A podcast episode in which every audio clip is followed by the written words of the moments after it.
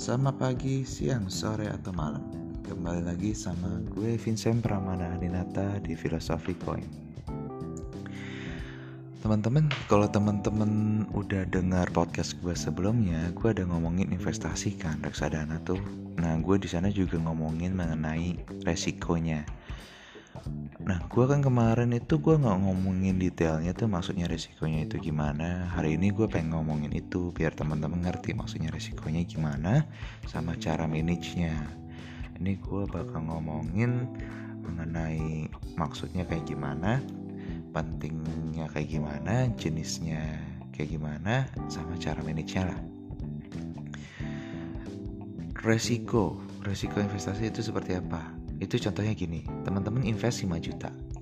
Eh, selama satu bulan nih, teman-teman invest malah jadi 4 juta 900. Nah, bisa ngurang duitnya. Jadi bukannya nambah malah ngurang. Itu contoh resikonya. Nah, resiko lainnya gimana? Oh, udah invest 5 juta, pengen cairin, tapi kok agak lama ya cairinnya nih. Bisa dua minggu, tiga minggu baru cair. Nah, itu resiko itu juga ada tuh teman-teman. Itu namanya resiko likuiditas. Soalnya kalau teman-teman invest nih di saham biasanya misalnya atau di obligasi itu buat dicairin itu harus ada dijual tuh saham sama obligasinya.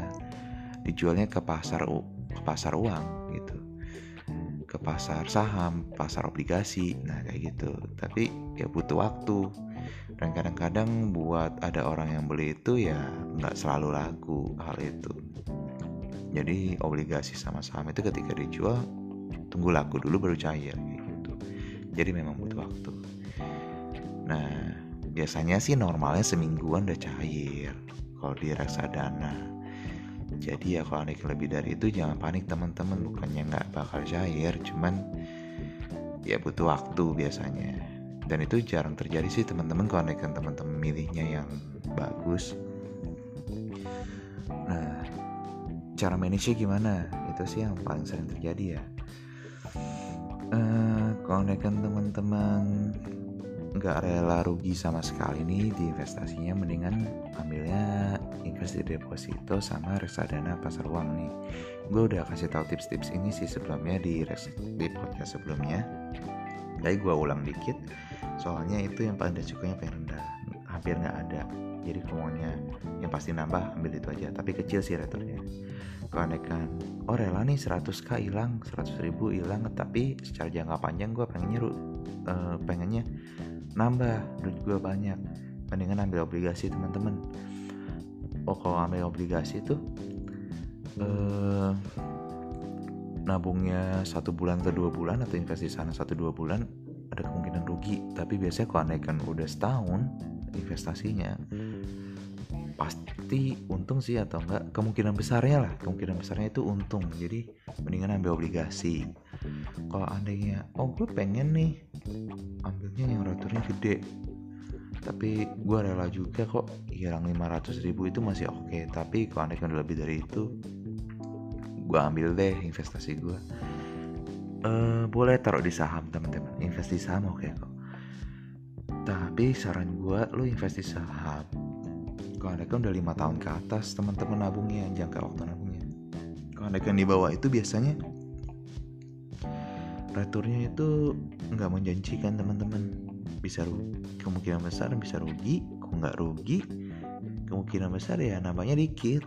Kalau naikkan di bawah itu jadi emang buat jangka panjang banget usaha. Jadi saran gue sih ya ambilnya pasar uang atau obligasi kalau anda pengen cepat kelihatan hasilnya.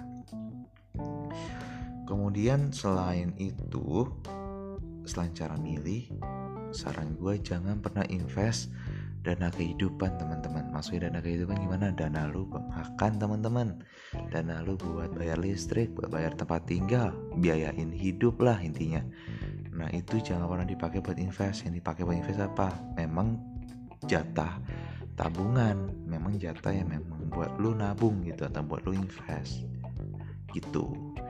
Nah kalau ada kan teman-teman juga main saham, um, baca berita teman-teman.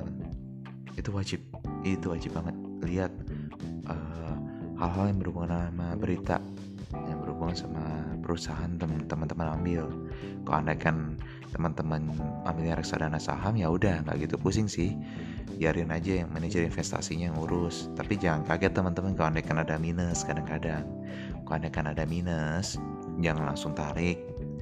Kalau kan memang minusnya misalnya masih di bawah 500 ribu gua nabung kalau anda kan udah misalnya nih kalau anda kan udah 10 juta nabung.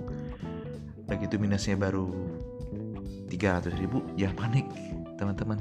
Itu normal ingat itu normal. Karena itu liatin pasarnya kondisi pasar itu naik turun jadi itu normal. Biasanya misalnya perang dagang nah itu turun. Tapi nggak lama kemudian naik lagi jadi jangan takut teman-teman kalau ada minus sedikit gitu jangan panik langsung ditarik nggak apa-apa. Selama minusnya nggak gitu gede.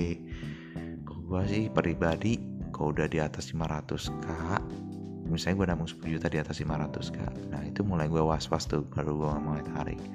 Tapi kalau mereka masih di bawah itu ya udah. Gue masih uh, toleransi sih masih gue tahan di sana gitu. Nah itu sih teman-teman uh, tips dari gue kalau andaikan toleransi teman-teman satu juta masih rela tuh. Oh gue satu juta masih rela kok. Ya udah. Yang penting itu nggak ganggu kehidupan teman-teman. Itulah intinya. Jangan gang pe, jangan sampai ganggu lah. Uh, biaya makan biaya listrik yang kayak gitu jangan sampai keganggu. Intinya itu. Yang penting masih bisa hidup. Gitu sih kalau saran dari gue nah kalau buat hari ini gue ada pertanyaan teman-teman teman-teman rela hilang berapa koin sih buat dapetin koin lainnya? Gue Vincent Ramana Dinata, salam filosofi koin. thank you